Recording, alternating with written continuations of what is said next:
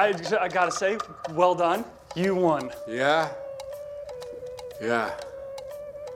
Money wins. Þannig að ég veit ekki hvort það sé bara þetta að, að vera fluga og vekk inn í einhverju veröld sem að, að flestir munu aldrei einhvern veginn eiga heima í. Henrik, du er et ødelagt stakkars menneske. Oh, mother, mother, mother, mother.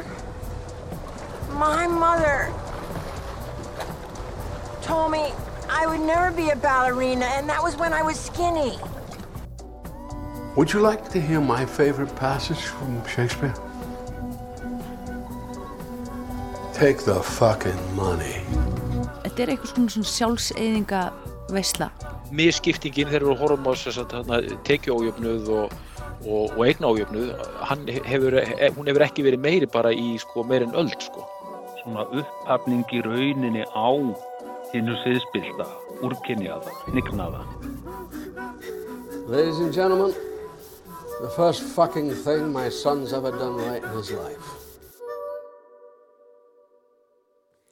Komið sæl ágættu lustendur, lestin í dag verður tilenguð hinnum ofurríkum, eina prósentinu, þeim sem ferðast um á engaþótum og snekkjum, borða á flottustu missilinu veitingastöðunum, drekkur fínustu vínin og er rannsökuða efnahagsbrótadildum lauruglunar, en kemst auðvitað alltaf undan. Ég heiti Kristján Guðjónsson. Og ég heiti Lóa Björk Björnstóttir og þetta er lestin 5. daginn 16. mars. Já, í dag þá ætlum við aðalega að skoða þrjá þætti þættina Succession, White Lotus og Exit. Einmitt, þetta eru allt vinsælir og, og marg verðluna þættir og það er alveg hægt að segja að, að svona afturrengarefni þar sem að ríkt fólk er í aðalhauturkum er mikið í tísku núna, ekki bara þessi þrýr þættir heldur líka bíómyndir, kannski um, getum helst nefnt umtöluðustu mynd ársins í fyrra um, var, um, það var kvikmynd sænska leikstur hans Rúben Östlund, Triangle of Sadness mm -hmm. myndum ofuríkt fólk á snekju, stjætt átöku og meira og svo er allir þessi þættir sem að uh, þú nefndir já, mikið í umræðinu núna eða að fara eitthvað í gegnum þetta eða hvað? Já, um eitt já, náttúrulega það var að detta einn þriðas, nei fjó, þriðaserja. Þriðaserja? Já, það var að detta einn þriðaserja af, af Exit, það eru komin sjö þættir af áttæðin og spilar rúf. Það eru mjög margir sem byrði ofvæni eftir fjórðu sem, og jáfnframt seinustu seríunni um Rói-fjölskylduna. Succession kemur uh, fyrir loftið 2007. mars og svo í haust þá voru einhvern veginn allir að tala um White Lotus mm -hmm. og sko ekki það að ég þekki áhorstölunar alveg en það er svona tilfinningum hans að þetta eru þættinir sem allir eru að tala um Einmitt. þetta eru þættinir sem við erum að reyna að greina við erum að reyna að skilja hvað eru að segja okkur og þeir eru eiginlega marst sammeilagt, þeir eru líka alveg ólíkir eða finnst það ekki? Jú, við munum örgulega að fara, fara svolítið vel yfir þetta en, en kannski til að byrja með, veist, hérna, þetta eru þættir sem sína ekki, þetta er ekki bara eitthvað svona glansmynd af, af lífstíl ríka fólksins, ég menna það eru auðvitað mikið af, af myndum og þáttum sem gera það mm -hmm. Um, heldur þarna sko byrtist ríkafólki okkar sem sko ekki bara breyst heldur einhvern veginn óþólandi og spilt jável algjörlega siðlaust, umgunarvert uh, fyrirlillegt uh, en samt einhvern veginn lifa áhörendur sig inn í þessa veröld og bara hlæja og, og skemta sér mm -hmm. með þessum personum og þykir vænt um þessar um, hryllilegu personur og, og kannski um, spurningin er sem, a, sem að við ætlum kannski að reyna að sökja okkur onni er einhvern veginn Er þetta gaggrinni? Er, er þessi hásádeila, hefur hún einhverja, hérna, virkar hún eða, eða er þetta einfallega bara einhvern veginn tíska í, í léttu skemmtefni? Já, bara skemmtilegir og góðir sjónastættir. Einmitt, við ætlum að skoða þetta í lest dagsins.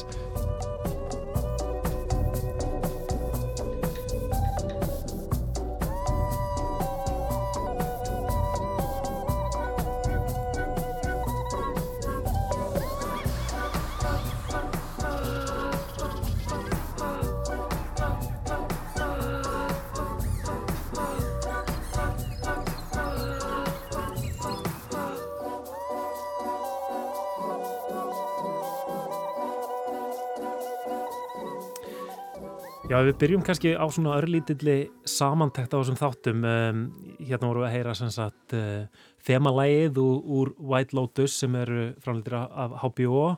Um, ég var að horfa þess að þætti núna í, í fæðingarólóinu mínu um, að sjá það í fyrstskipti báða seríunar.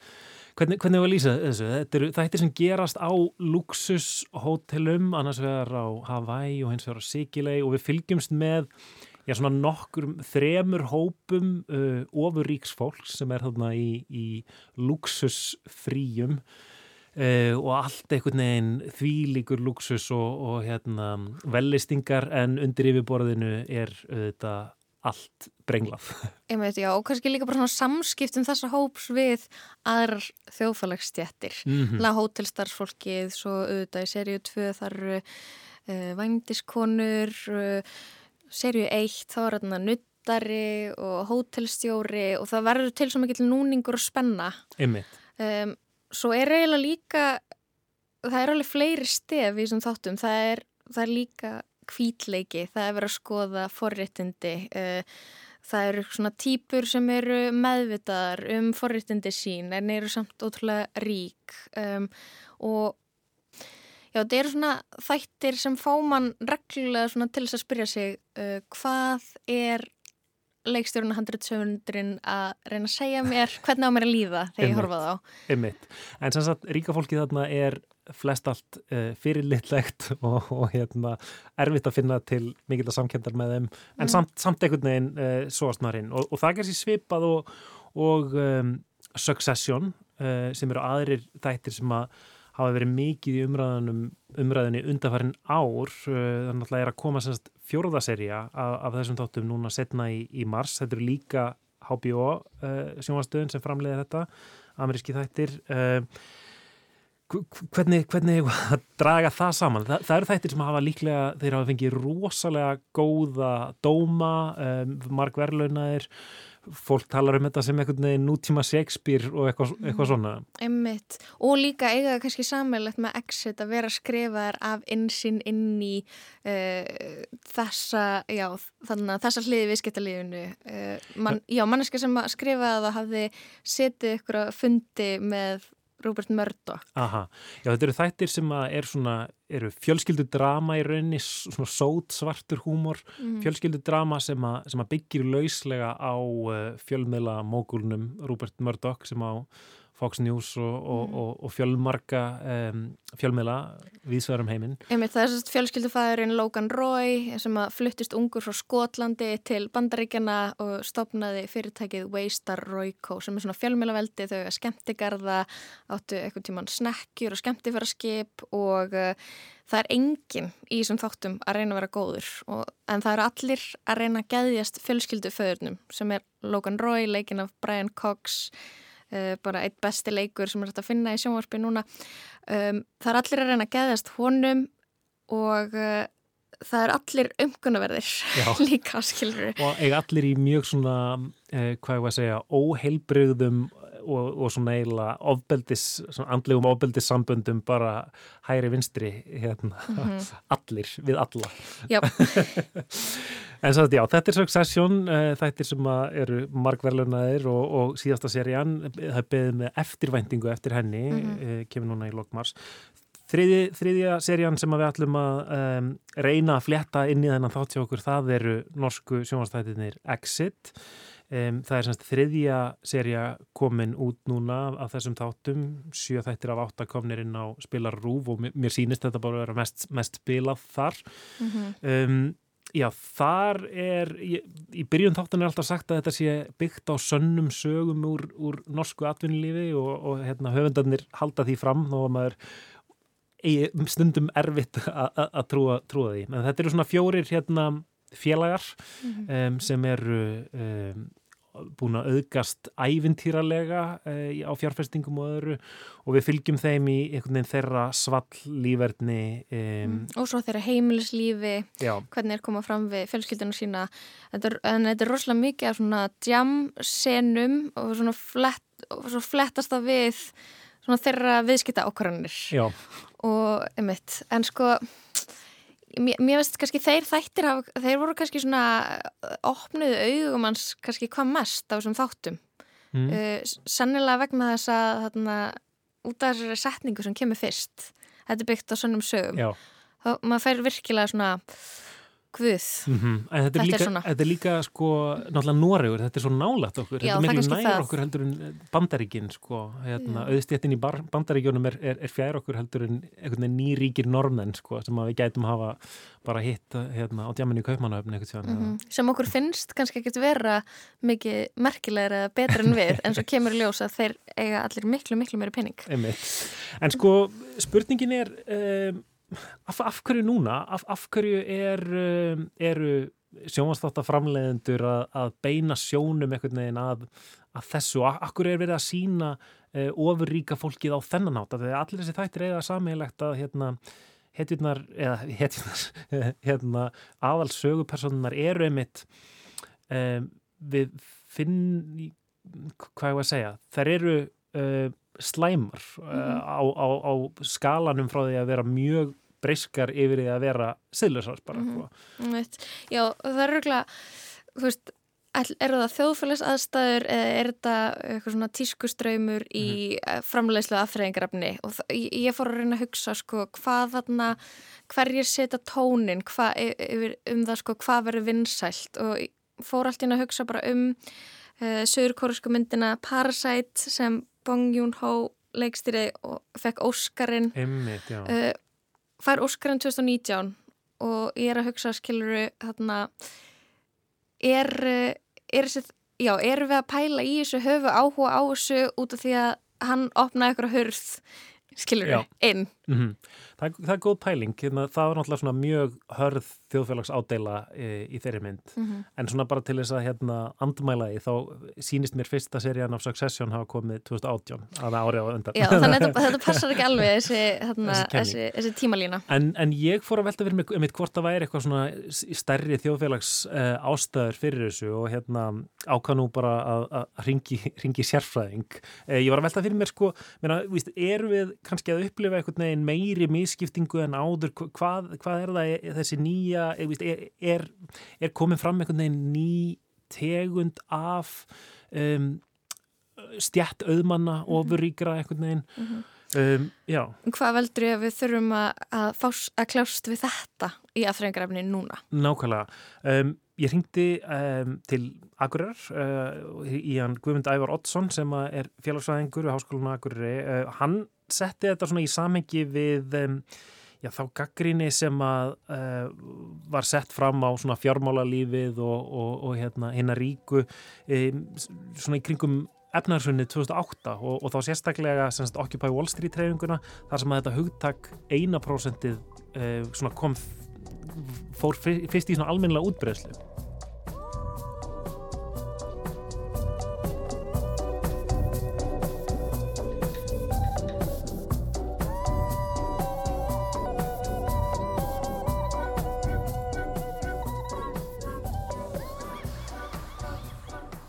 ef við erum að horfa á bandaríkin að þá þetta hefur misskiptingin þegar við horfa á þess að tekjuójöfnuð og, og, og eignaójöfnuð hann hefur, hún hefur ekki verið meiri bara í sko meir en öld sko. Þannig að þarna og það er auðvitað það sem að Occupy Wall Street uh, reyfingin er að gaggrína er sem sagt fyrir að fyrsta mikinn efnaðslegan ójöfnuð en líka að er að gaggrína áhrif stórfyrirtækja og hérna ríkra á hið líðræðislega ferli og eru líka gaggrina að, eh, að þeir sem hafa verið gerendur í þarna kreppunni eða niðursveiflunni miklu hafi ekki þurft að sæta ábyrð Mhm. og, og einmitt hérna, ná, mik, hérna, ná hérna, mikilli útbreyslu þetta, þetta verður þetta til uppalega á Wall Street en dreifir svo til hvað 600 borga og bæja í bandaríkjánum og svo út um allan heim og, og þá við fara að tala um eina prósentið og við erum 99% og, og mikil gaggrinni og þetta bara hefur með tíð og tíma sem sagt bara gert það flottara að, að, að mótmæla og, og að ræða á gaggrinnin hátt um, um samfélagið. Og þetta hefur bara hérna, haft mikil áhrif á, á dægumenninguna sem við hérna, Mhm. sem að við neytum sko. Já. Já, að, að vera komið með þetta hugtaka einhvern veginn eina prósentið þá einhvern veginn er, er auðveldara einhvern veginn að ná utanum um, já, einhver ákveðna stjætt einhvern veginn algjörlega ofur ríkra í rauninni. Það má alveg- alveg segja það sko, þetta orðfæri kem, sprettu bókstæla upp úr hérna, Occupy Wall Street uh, reyfingunni og þarna að svona stjettgreinendur nota nú yfirleitt ekki sko, þetta hugtak en, en þetta er mjög gott svona, komur að segja, almenningur, að, þetta hjálpar þeim að ná utanum þetta Mhm. dálítið sko. Einmitt. Og ef við erum að horfa á misskipting í heiminum í dag að Oxfam gefur þetta reglulega á hverju ári út svona skýslu og, og einmitt er að benda á hvað ríkasta eina prósentið í heiminum á mikið af öllum auði sko. Og, og, hann, og hlutur ríka prósessins, ríka prósessins er alltaf að aukast ár frá ári.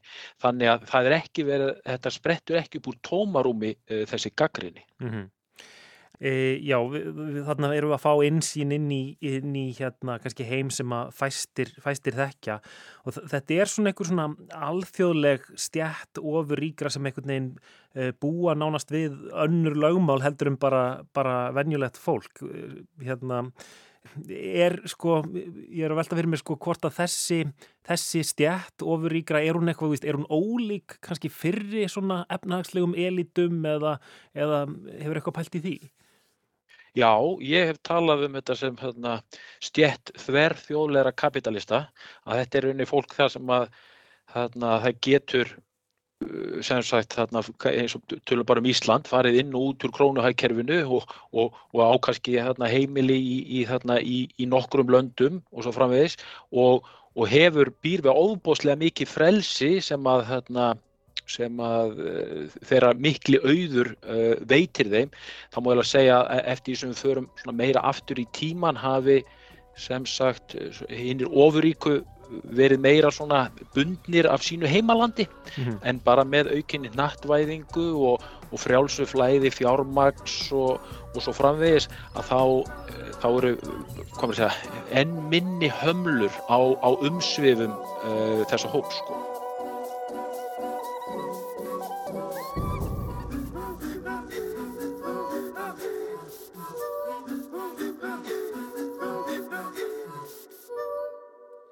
Þetta var Guðmundur Ævar Oddsson félagsræðingur. Við sjáum þetta í rauninni í öllum þessum sjónvarsáttum sem við erum að nefna, um, Exit, Succession og White Lotus, að þið gerast einhvern veginn um allan heim. Við erum að ferðast um heiminn í enga þóttum eða enga þyrlum og hérna, eh, einhvern veginn landamæri og allt þetta er gjörsamlega horfið eh, í, í, í augum personuna sem eru þarna hluta þessu eina prósendi í rauninni í öllum þáttunum. Einmitt. Já, mér finnst svona áhugavert að setja í samhengi við efnahagshrunið, uh, Occupy Wall Street, út af því að það er líka sko, það er ekki eins og við höfum fengið rosalega mikið af einhvern veginn svona þáttum rétt eftir hrun. Nei, einmitt. Það leið smá tími. Einmitt líða tíu ár í rauninni. Já, en svo, ég meina, rétt eftir Me Too, þá fórum við að segja að það voru fullt af sjónvastáttum sem gerðu Mm. það upp, bara beint í kjölfarið. Já.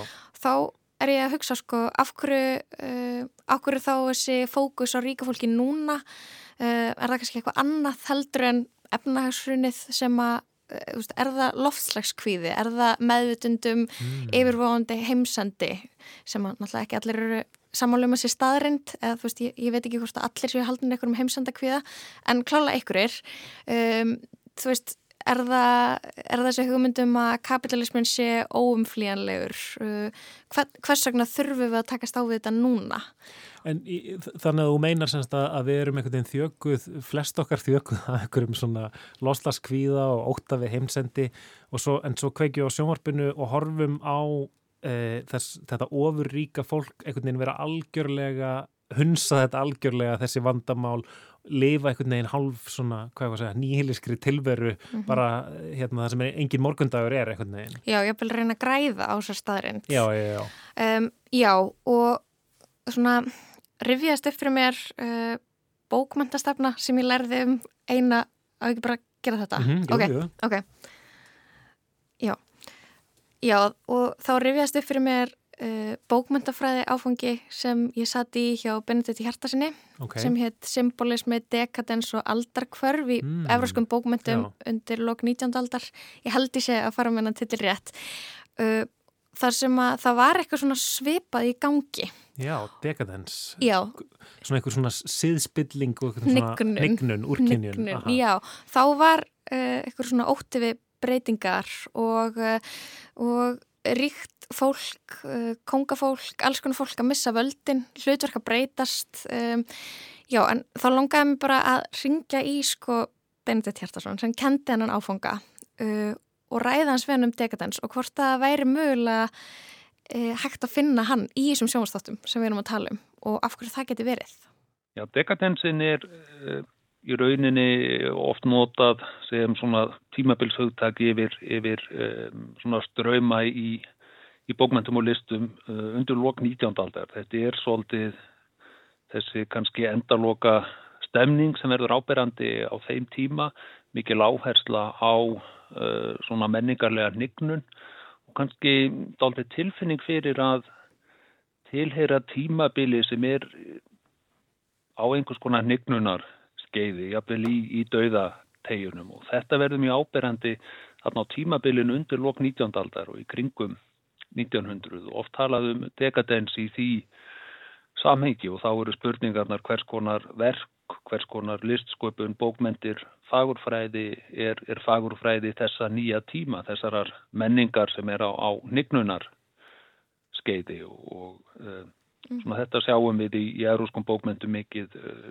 seint á, á 19. öldinni og höfundar eins og Baudelaire og, og fleiri tengingar svona aftur í, í symbolisman.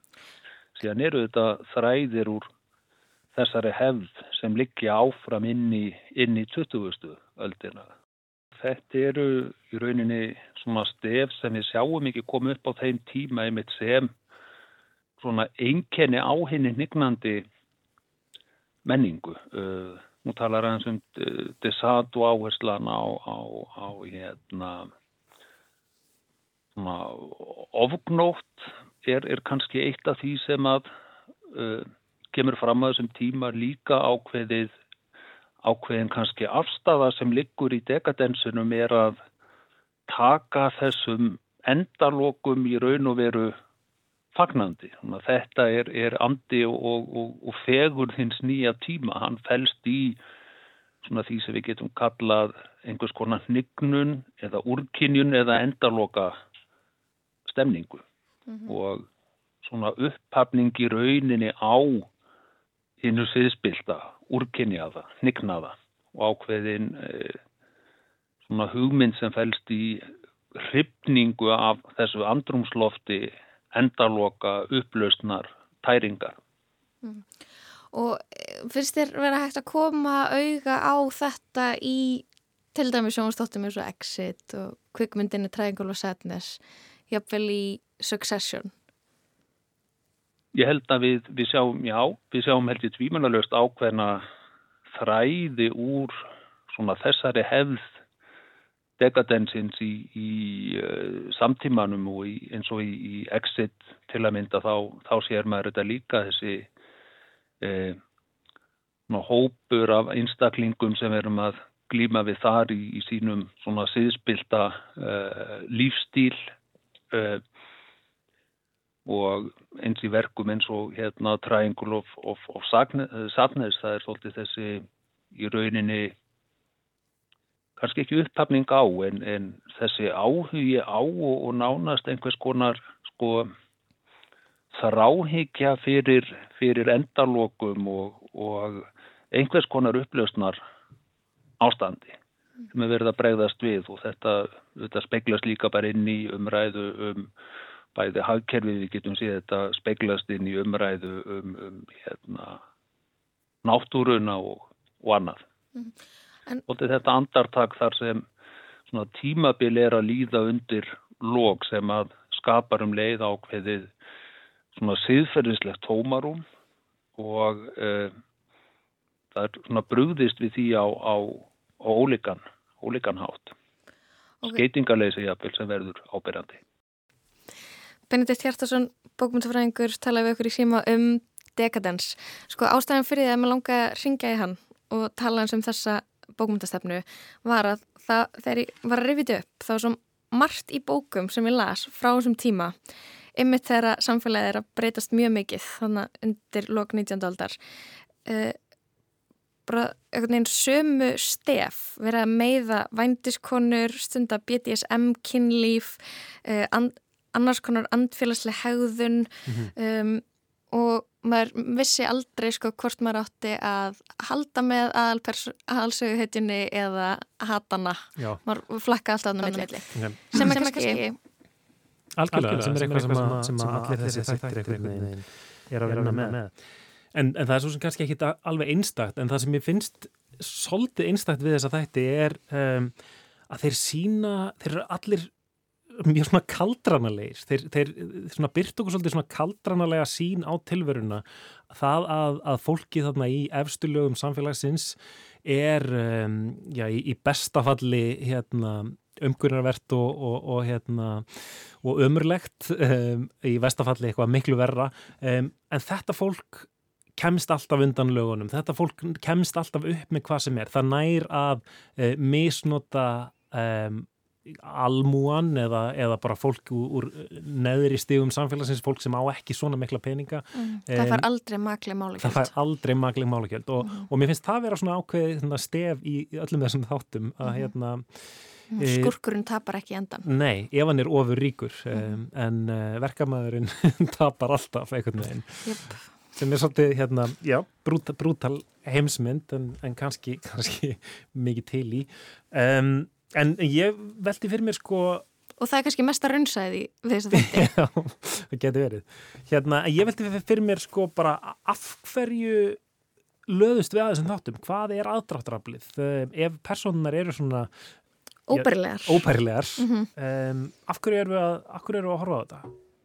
Einmitt og hvernig upplifir ofurrík manneska þess að þætti, svona manneska sem tilhæra þessum þjófélagshópi og hvernig upplifir manneska af verkamannastjætt er þetta sami þátturinn fyrir fólk úr þessum ólíka hópum? Einmitt, það er, það er góð spurning. Ég er enda veldið þessu líka fyrir mér með hérna kvikmyndina Triangle of Sadness sem að þar sem að hérna ofurríka fólkinu er einhvern veginn Já, það, það er þessi eftirminnilega sena sem að margir hafa eflust heyrt minnst á þar sem að e, ofurríka fólkið um borði í snekkjunni sem við erum að fylgjast með e, það kemur upp matareiturinn og það er sko þvílík æla og uh, niðurgangur og svo einhvern veginn bara bókstaflega veldist fólk um í hérna ein ælu, ein ælu og líkamsvessum einhvern veginn mm -hmm. um, það er eitthvað svona, þannig er eitthvað svona gróteska og það er svona, maður upplifir hugsa svona nánast eins og eitthvað svona þórðargleði einhver sko, mm. en svo á sama tíma þá, þegar myndið var frumsýnd í kann, þá hérna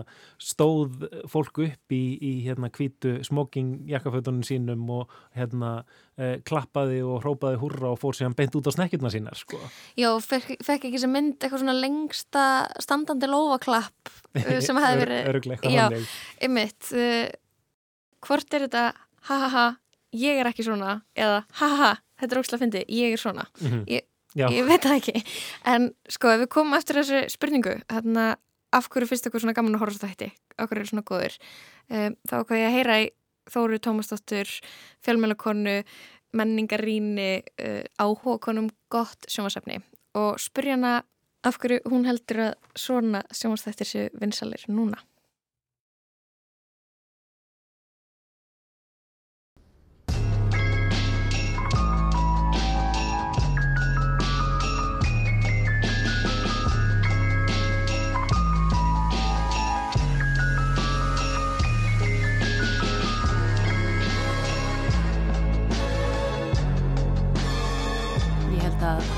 sé alveg mjög augljósta sögursvið það sem er rosalega miklu peningar er alltaf, alltaf skemmtilegt að horfa á. Þetta er það sem þykir eftirsögnavert í, í heiminum að eiga fullt af peningum og þess vegna er rosalega gott að setja sögurnar þangað inn. En ég held að þetta séu mjög mismundi sögur og jáfnvel þó að, að peningar séu svona ákveði element í þessum þáttaröðum þá fjallaðar um mjög mismunandi hluti eh, kannski eiga meira sammert að þetta er eitthvað svona græðki eh, og þrá í vald og svona að stjórnast í öðrum. Ég held að það sé meira svona sammert heldur en að, allir séu svo sjúkri peninga. Til dæmis ef við má brjóta þetta þess niður og þá held ég að í Succession þá, þá eru peningar bara, þú veist, þetta er bara fólk sem á hálfan heiminn. Og aðalpersonan Logan Roy á, á allt og, og getur gert allt eh, sem að peningar getur gert. En sagan er miklu meira fjölskyldudrama heldur en saga um hvernig maður verður ríkari og hvernig maður kaupir hitt og þetta og, og hérna nær völdum í fyrirtækjum. Þó að það sé líka viðfósefni þáttana að þá er eh, byrtist Succession mér sem fjölskyldudrama það sem að bara einhver eh, sko geggjaðasti karakter sem ég séði í svona sjónastáttum lengi er fjölskyldufaðurinn er veldur svo mikil þjáningu í kringu sig og, og hérna og kvelur börnin sín svo mikið með sínu veginn ómerkilega og narsisíska eðli að, að það er bara alveg geggjað að horfa mm -hmm. en, er, en er það ekki með sko uh, hva, hversu rík þau eru og hversu valdamikil þau eru sem að veldur öllum þessum sársaka og veldur öllum þessu drama Í Succession held ég að, að eh, Logan Roy fái ekki nóg af eh, sko drottnun og hann er ekkit bara að reyna að komast yfir völdin í fyrirtækinu og gera það enn voldura og hérna, hann er, hann fær eitthvað út úr í að niðurlega aðra. Og hann er ekki bara sko að hérna reyna að stjórnast í börnunum og hann er alltaf að egna þeim upp á móti hvort öðru, hann er bara eigðilegginga afl og, og þú veist, það verðist vera svona fíkninas, hann er ekki að reyna þú veist, verða endilega svo mikið ríkari þó að það sé næs. Hann nýtur einskis sem peningar gefa honum. Mm -hmm. þú veist, að, þau allast upp með fíl í gardinum og, og tífúli og ringauki og, og ljónsunga en það veitir ef enga ánægi þannig að peningar held ég sé ekki endilega fókusin hann er eitthvað að reyna að, að drotna yfir öðrum og þannig að með eitthvað svo stórt svartól inn í sér og, og hérna svona veist, hann er ekki bara narcissisti, hann er bara eitthvað svona borderline, eh, ef við má segja sko, bara satisti veist, hann, mm. hann kvelur fólk og niðurlægir öllum stundum mm. og, og sama má segja um exit, mennina í exit Já, það var aldrei góð frasi í e, nýjustu seríunni þar sem að eitt er að leita til sálfræðings og hún segir bara, veistu það vinnur þú ert stórkoslega eðilögð manneska mm -hmm þú ert ónýtur einstaklingur. Og það er það sem ég held við sjáum í Exit. Það eru svona bara brenglaðir menn sem að jafnveg þau séu stanslust að reyna að verða ríkari að þá eru þeir einhvern veginn að reyna að svala öðrum fýstnum svona dagstaglega þeir eru að hérna, e, þetta er eitthvað svona, svona sjálfseyðinga veisla að, að hérna, nýðast á öðrum sjá hvað er komast langt, þeir eru alltaf að testa mörgin í því hvað komast er langt með að veist, ganga yfir aðra, taka frá öðrum um, hérna, og kannski það er engin þörf, það er ekkert sem er já, ekki, ekki, já það er ekkert sem þeir eiga ekki skilaði upplifa, það er ekkert sem þeir megi ekki, þeir megi að prófa allt og gera allt og uh, kostnæðurum skiptir engum það er líka með einhverja konu eða, já mm. Já, mm. og, og þetta er náttúrulega bara verður ógslag skemmtilegt hjá þeim að, að hérna, þeir eru orðin svo tilfinningadopnir að mm. það að svona nýðasta fólki það, það kostar það ekki, það, særir það ekki, það meiðir það ekki droslega mikið mm. en hérna öllu heldur fá þeir eitthvað svona út úr því og svo finnst mér líka koma svona skemmtilegir þættir inn á milli, bæði í Succession og Exit þar sem þú sérð að hérna, þeir eru svo fiskar á þurru landi þegar er lokað fyrir kortið þeirra skilu, þegar þeir allt í hennu get ekki nota alla peningarna sína þá hérna vita þeir ekki lengur hverjir eru og hérna fatta þeir eru ekkit syndir í samfélaginu sko. Mm þannig að það er alveg skemmtilegt að sjá svona þessa um, þennan tón sem guttlar undir í báðum sem serjum háðið að því hvað þetta í raun er ósjálfberga fólk því að ef þú átt alla heimsins peninga þá ættur allavega að geta gert eitthvað gott og hérna byggt upp eitthvað samfélagi, byggt upp eitthvað gott eða skilja eitthvað eftir þig. En hvorki exit nýja succession er, er það hvaðin hjá fólki, þau eru bara fyrst og fremst að hugsa um sjálf sig. Já.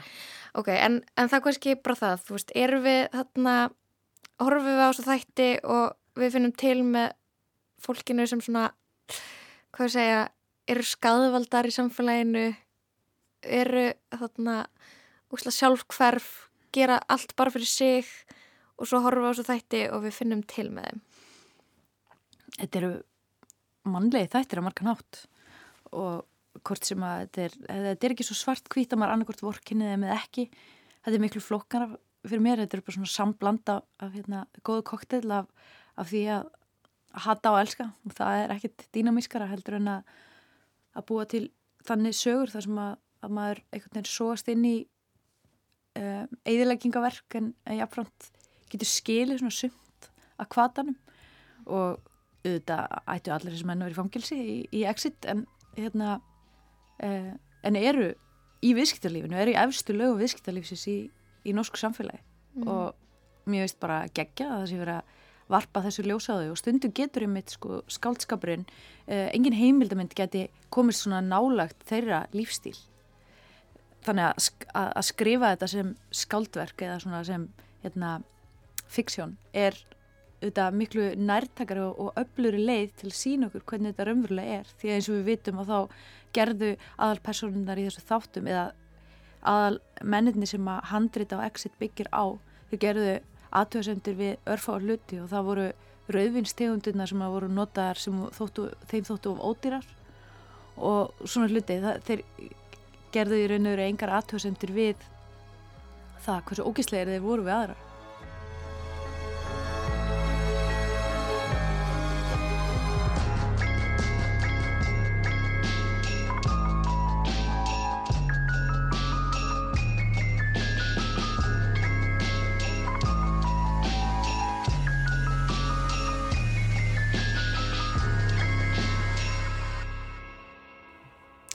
Þetta er Þóra Tómasdóttir, fjölmjölakona, menningar, rínir og sjómasáhuga kona.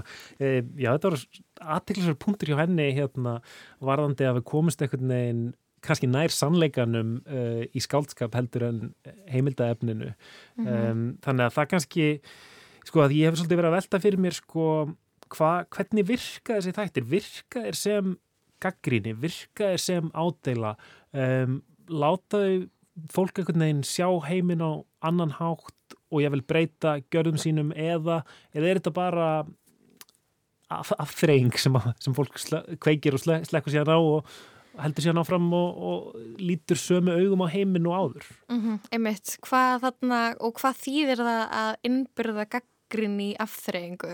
Er afþreying eitthvað tíman eitthvað annað fyrir okkur heldur en bara afþreying? Mm -hmm. um, og þá svona um, já, svona fer maður kannski bara að hugsa um Bertolt Brecht Já, fís, físka leikskáldið Lóa, vel gert já. að koma honum inn Einmitt, sko, þarna uh, við upplöfum eitthvað katharsis, eitthvað þarna, eitthvað losun þegar við horfum á, á svona verk uh, þarna uh, það sem er, eða er eitthvað svona þjóðfélagsádila og mm. en, en með hvað tilfinningu eru við skilin eftir eru við skilin eftir með tilfinninguna já já, nú er þetta leist mál eða uh, svona er þetta og það er ekkert sem við getum gert í því. Uh, þessi kaldranalegi tótt líka sem þú talar um áðan um, þetta er bara þarna, þetta er bara raunveruleikin hann er bara svona uh, og hvað uh, mm -hmm. við getum hleyjaði og haft gaman að því og, þarna, og skemmt okkur yfir því en, Þú, þú meinar sem sagt sko að uh, þá þessi þættir þeir taka einhverja kannski svona um, tilfinningu sem fólk hefur pyrring, einhver svona frustrasjón gagvart ástandinu mm -hmm. og það kannski á vissanátt friðþægir það, kannski svona eins og hérna áramátasköpið, ef fólk er virkilega reitt þá hérna og, og, og spennan byggist upp í líkama þjóðarinnar, svo kemur áramátasköpið og gerir grína stjórnmálamönnum og fólk klær og, og einhvern veginn losar um mm. þennan pyrring og spennu og og gerir þá ekkit í málunum, breytir ekki í samfélaginu. Algjörlega, ég menna, er það ekki bara eitthvað svona þekkt, mm. uh, eitthvað karnivalist element, þannig að við, við tökum þarna uh, valdafólkið, við snúum allar kvolf, já, kannski bara eins og í og Sadness, við látuðu æla yfir sig og kúka á sig, hlæjum og þá hafið þið fengið makleg málagjöld já. í okkar huga. Já, hérna, mitt finnst þú nefnir einhvern veginn karnivalið, ég, var, ég hef hugsað það sko með já, lokin á, á þessari mynd Triangle of Sadness sem er einhvern veginn að koma upp aftur og aftur hérna eftir Rúben Östlund mynd sem að fekk kvikmyndaverðinu Norrlandar ás og, og Gull Pálmann og kann eh, undir lokmyndarinnar þá hérna sagt, snúast einhvern veginn valda hlutvöldin við mm. um, sagt, fólkið á snekkjunni e, lendir á eyðeigju uh, og allt í einu er um, konan sem vinnur við ræstingar nær hún einhvern veginn að, að, að snúa völdunum sér í hag, kona frá Philipsegjum en, en rúsneski ólíkarkin og, og, hérna, og, og vestrænu uh, auðmennir einhvern veginn um, verða neðar í, í, í valdapíramítanum á þarna eiginni um, sko Úti hún er svo einu sem kann að bjarga sér það já, já, þau, já, þau kortið er að verka ekki. Einmitt, En, en, en karnivali snýst um þetta snú, snú, snúning á, á valdalhutvöldunum en, en það sem að sko Rúben Östlund gerir í þessari mynd og í öðrum myndum og, og, og svo finnst mér þetta að vera svona kannski stef líka í þáttunum sem við erum að tala um uh, kannski sérstaklega já, já, jú, ég held bara í þessum þáttum er að það er ekki svona barnaleg sín að, það, að þeir sem að eru neðar í samfélagssteganum, þeir sem eru ekki ofuríkir þeir séu sjálfkrafa góðir mm. í rauninu um leið og þeir komast í uh, þessar valdastöður, sömu valda valdastöður eins og þessi hérna Filipseiska ræstingakona sem að hérna lítur út fyrir að vera bara svona miðaldra og, og, og sætt og, og krútleg hún beitir völdunum sínum í rauninni alveg eins og hinnir mm -hmm. þannig að þá er það í rauninni völdin sem eru sem spilla hólkinu Algjörlega um, Já, kannski erfitt að segja, ég menna þetta er uh, það er svo óljóst líka kannski hvað er þetta valda fólk? Þau eru ógíslega rík, þau eiga ógíslega mikið penning en uh, hvað ætlum við að gera? Þetta er ekki, uh, þetta er ekki stjórnmálamenn, þessi þættir fjalla ekki um þarna Já, bara svona fólki sem við hugsun um sem valda fólk. Mm -hmm. Þetta er bara fólk sem á mikinn persónulegan auð. Reyndar í Succession, þá stýrir hann risastórum fjölmili. Mm -hmm það er náttúrulega gífileg veld þar Einmitt, og, og náttúrulega það eru náttúrulega svo mikil völd í, í krafti þessa, þessa fjármagns í rauninni mm -hmm. og við sjáum það svolítið í exit-tátunum líka sko. En þetta er svo, þetta er svo ósýnilegt þetta Já. er náttúrulega, eh, er ekki talað um þarna mun á því að vera ríkur og ofurríkur, eða þú veist ríkur þá veit, veit allir hver þú ert svo erstu ofurríkur og þá þú veist bara eitthvað starf baku tjöldin þú veist ekki með raunveruleika þátt um þig þú veist ekki að, að, að, að flagga því á samfélagsmiðlum þú bara býrið eitthvað starf í ristur og húsi og mm -hmm. þannig að skipt, skiptir ekki mála að vera ykkur ofinbær persóna, þú veist, yfir það hafinn en það kennir til á keimanni mm -hmm. sko, hérna uh, mér fannst bara ofullkomið að hérna, Gíslaur Garðarsson um, leikari og leikstjóri um, hann var að leikstýra tveimur þáttum í nýju Exit-seríunni mm -hmm. sem voru bara að, að dettin og spilar rúf núna, sem stættin sem hann leikstýrið, ég er enda bara búin að horfa á fyrri þáttin fjó, fjóruða þáttin um, mér langar einhvern veginn að bera þetta undir hann, þú veist, hvernig það væri að, að um, reyna að finna, finna þetta jafnvægi og, og hvort að hann liti á þetta sem einhvern veginn gaggríni eða, eða einfallega skemmtefni. Um, mm. skulum heyra hvað Gísli hafði að segja. Ég, ég veldi fyrir mér sko uh, að, að leikstýra exit, þetta hlýtur að vera svona flókin ballans að finna sko einhvern veginn þar sem að hérna aðalpersonar eru einhvern veginn gjörsamlega siðlausar. E, þannig að Já. það er eitthvað svona jafnvægi sem millir svona einhverjar, einhverjar fyrirlitningar en, en nánast líka sko samkendar og því að, að, að vilja fylgjast með þessum personum, hvernig, hérna, hvernig nálgast maður þetta jafnvægi einhvern veginn? Uh, Já, það er eins og þú segir, það er náttúrulega bara ekkert sjálfgefið í þessu og þetta, þetta hefði alveg geta misefnast líka þannig að það er í sjálfu sér engin formúla sem að hægt er að fylgja þar sem að maður er skotheldur í þessu sko þannig að en, en það sem maður náttúrulega spilar inn í þetta er að þetta eru sannar sögur og hérna og, um, og hérna og það er ekki verið að reyna að, að að hefja þetta einhvað upp til skíjana, þetta sé, sé sagt, eh, til fyrirmyndar þetta líf en það er samt ótrúlegt hvað sko, ég menna eins og þessi norsku strákar sem er að leika í seríunni, ég menna þeir fá náttúrulega alls konar hérna fá, fá, það er svona alls konar fólk sem að, svona, hefur samband við þá og, veist, og ég menna það var ein móðir sem hafði samband við þann sem leikur Adam og Mm. sagði að hann væri hérna, fyrirmynd svona síns og hvernig hann geti hérna, Já. Hva, hva, hvað hann ætti að, veist, að gera til að ná þessum árangri Mhm, ok. hvað, hverjum geti mælt með Það er mjög þannig að þú aðtilsvært. veist, þannig að það er hérna, það margt skrítið í þessu Mm Einmitt, þ- það er náttúrulega svolítið aðtilsverð spurning sko, uh, svona þættir sem er að, sem er að sína uh, og mér finnst þetta eiga við um marga þessum þáttum sem, að, sem að við erum að tala um í, í lestinni í dag uh, Succession, White Lotus, Exit Um, já, personar eru um, tilturlega fyrirlitlegar í, í, í öllum þessum þáttum.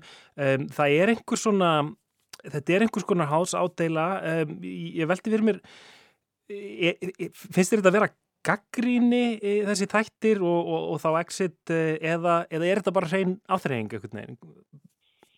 Já, ég sko, ég hugsa að þetta sé bæði. Í rauninni sko, það sem er náttúrulega skemmtilegast þegar fólk næg, þegar það næri að vera einhvern veginn að- að að spekla einhver samfélagsmál en í sko pjúra afþreyingar formi, bara eins og þegar við gerum verbúðina, það, við erum að fjalla um, um fisk og kótakerfi og það er náttúrulega, það er svona hard sell eins og maður segir á, á góður einsku, en um leiðum svona pakkar þetta inn í þetta svona aftreyingarlegan búning sem að dreifur svona fólk að skjánum að, og svo liggur þessi undiralda einhvern veginn undir niðri þá, þá er maður svona komið á, ákveðið konsept sem að þessir hinir þættir hafa líka og, Mhm. og ég menna sérstaklega eins og þú nefnir Succession að náttúrulega við, við elskum alltaf að horfa á hérna skúrkin á, á fö- faðirinn sem er svona hinn, hinn mesti skúrkur og, og, og svo náttúrulega líka hitt að, að, að þetta sé frábærlega leikið. Það náttúrulega sko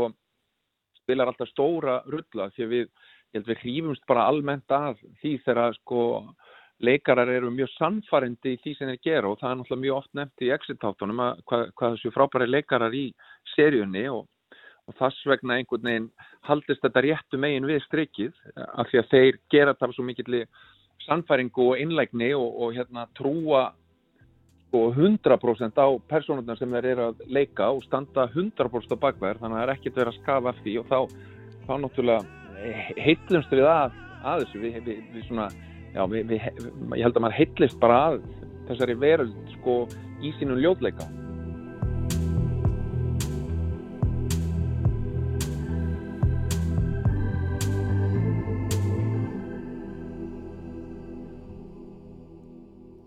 Þetta var Gísli Örn Garðarsson, leikari, leikstýri tveimur þáttum af nýjustu seríun af Exit. Mér finnst svo áhugavert að heyra hann tala um uh, strákin sem að hefur Adam eiginlega einn mesta skurk þessara þátta sem fyrirmynd. Um, þá voru ég að hugsa um þarna myndina American Psycho uh, þar sem að Christian Bale hann leikur Patrick Bateman Patrick Bateman á að vera fyrirlitleg persóna um, hann er alltaf í einu orðin eitthvað ídeal orðin fyrirmynd eitthvað ungra kallmanna sem Mhm. finnst hann geggjað Einmitt. um, en það á, þetta á að vera samfélags ádela, það á að vera eitthvað svona, þú veist, gíslir að tala um eitthvað undiröldu af gaggrinni, eitthvað svona, já ég horfa á þetta og þetta er skemmtilegt en svo kveikir þetta okkur um perum Mhm. Um, en ámar að hugsa um það sem misefnað bara út af því að einhver miskildi. Einmitt, já, það, það er góð spurning hvort að einhvern veginn viðtökur uh, verksins og hvernig, hvernig fólk skilur verkið, hvort að það um, skilgreini Hvort það gekk upp eða hvort það ekki. gekk upp Mhm. Já, það er spurning Það er alltaf ná aldrei allir uh, segjum svona ein, einhverju þjóðfélagsrýni sem er í, í á þreyingarefni Mhm. Það er einhvern veginn það eru örgulega mjög oft margir sem að ná því ekki eða, eða er ekkert að pæli því. Mhm, Mér finnst það kannski líka svolítið bara svona sanna punktin í allri gaggrinninni uh, hvað þarna, já veist okkur, það langar öllum að vera ríkur það langar öllum að ná árangri. Uh, þetta er þjóðfélagshópur sem að við þarna uh, setjum upp á stall við tilbyðum og dyrkum það langar öllum að vera þarna þá eru bara svona sögur kannski bara en þá frekar bara eitthvað svona staðfesting á því að af hverju við þurfum að skoða þetta, af hverju við þurfum að greina þetta, pæli þessu, gera þættum þetta, Mhm. minna úr þessu. þessum hugmyndum okkar um hann hóp og þá er ég bara að meina mér finnst kannski bara að vera partur af gjörningnum við Triangle of Sadness að ríka fólki stendur upp og klappar Mhm. að einhver líti upp til Adams mér finnst það allt vera partur af þessu að allavega hægt að líta á þannig Einmitt. Já, og svo er það kannski bara dæmi hver fyrir sig, hvort þetta sé þjóðfélagsgagrinni sem virkar, hvort þetta sé bara skemmtilegir þættir og við erum bara búin að vera að flækja þetta rosalega mikið fyrir okkur. þetta er bara sjónvastættir.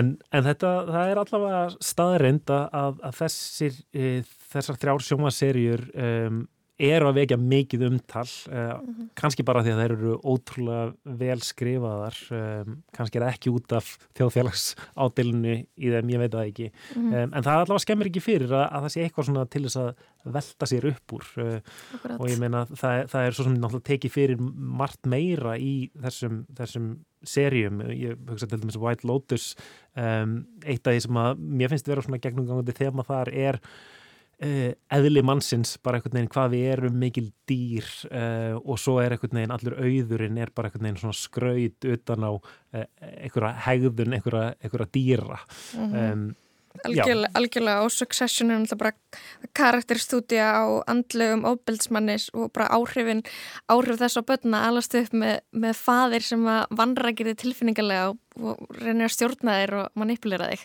einmitt Bara miklu meira heldur en bara ríkt fólk. mm og kannski segir exit eitthvað um norska þjóðarsál, ég veit það ekki. Mhm.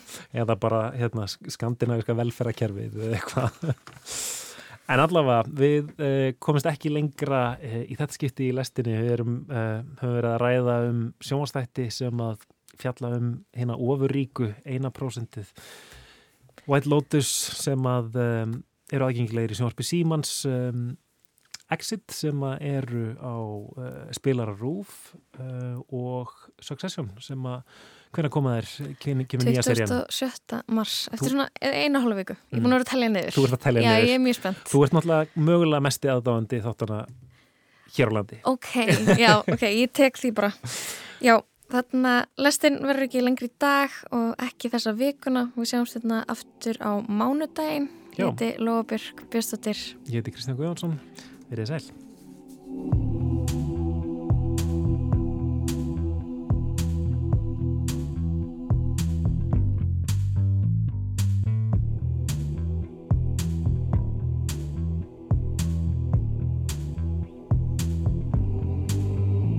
If you are the Dealer, I'm out of the game. If you are the healer, means I'm broken and lame. If thine is the glory, then mine must be the shame. You want it darker.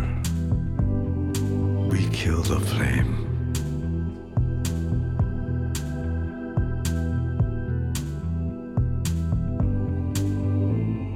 Magnified, sanctified be thy holy name.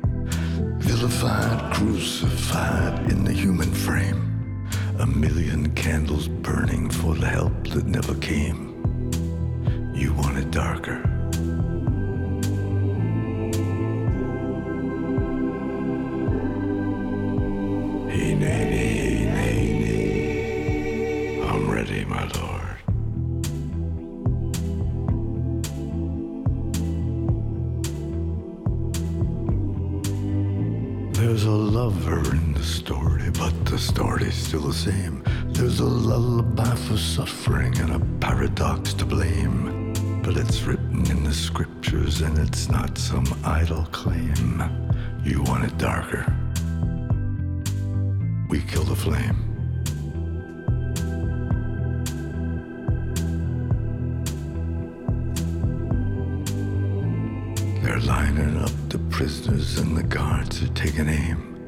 I struggled with some demons, they were middle class and tame. I didn't know I had permission to murder into to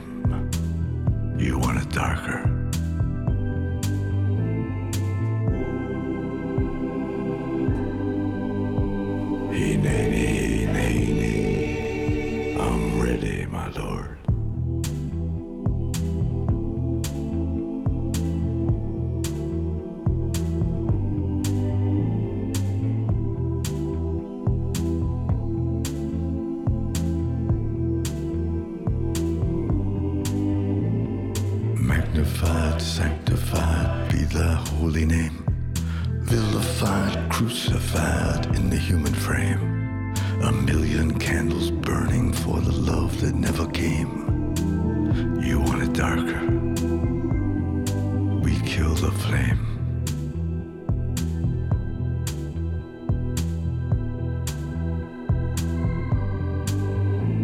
If you are the dealer, let me out of the game. If you are the healer, I'm broken and lame. If thine is the glory, mine must be the shame. You want it darker?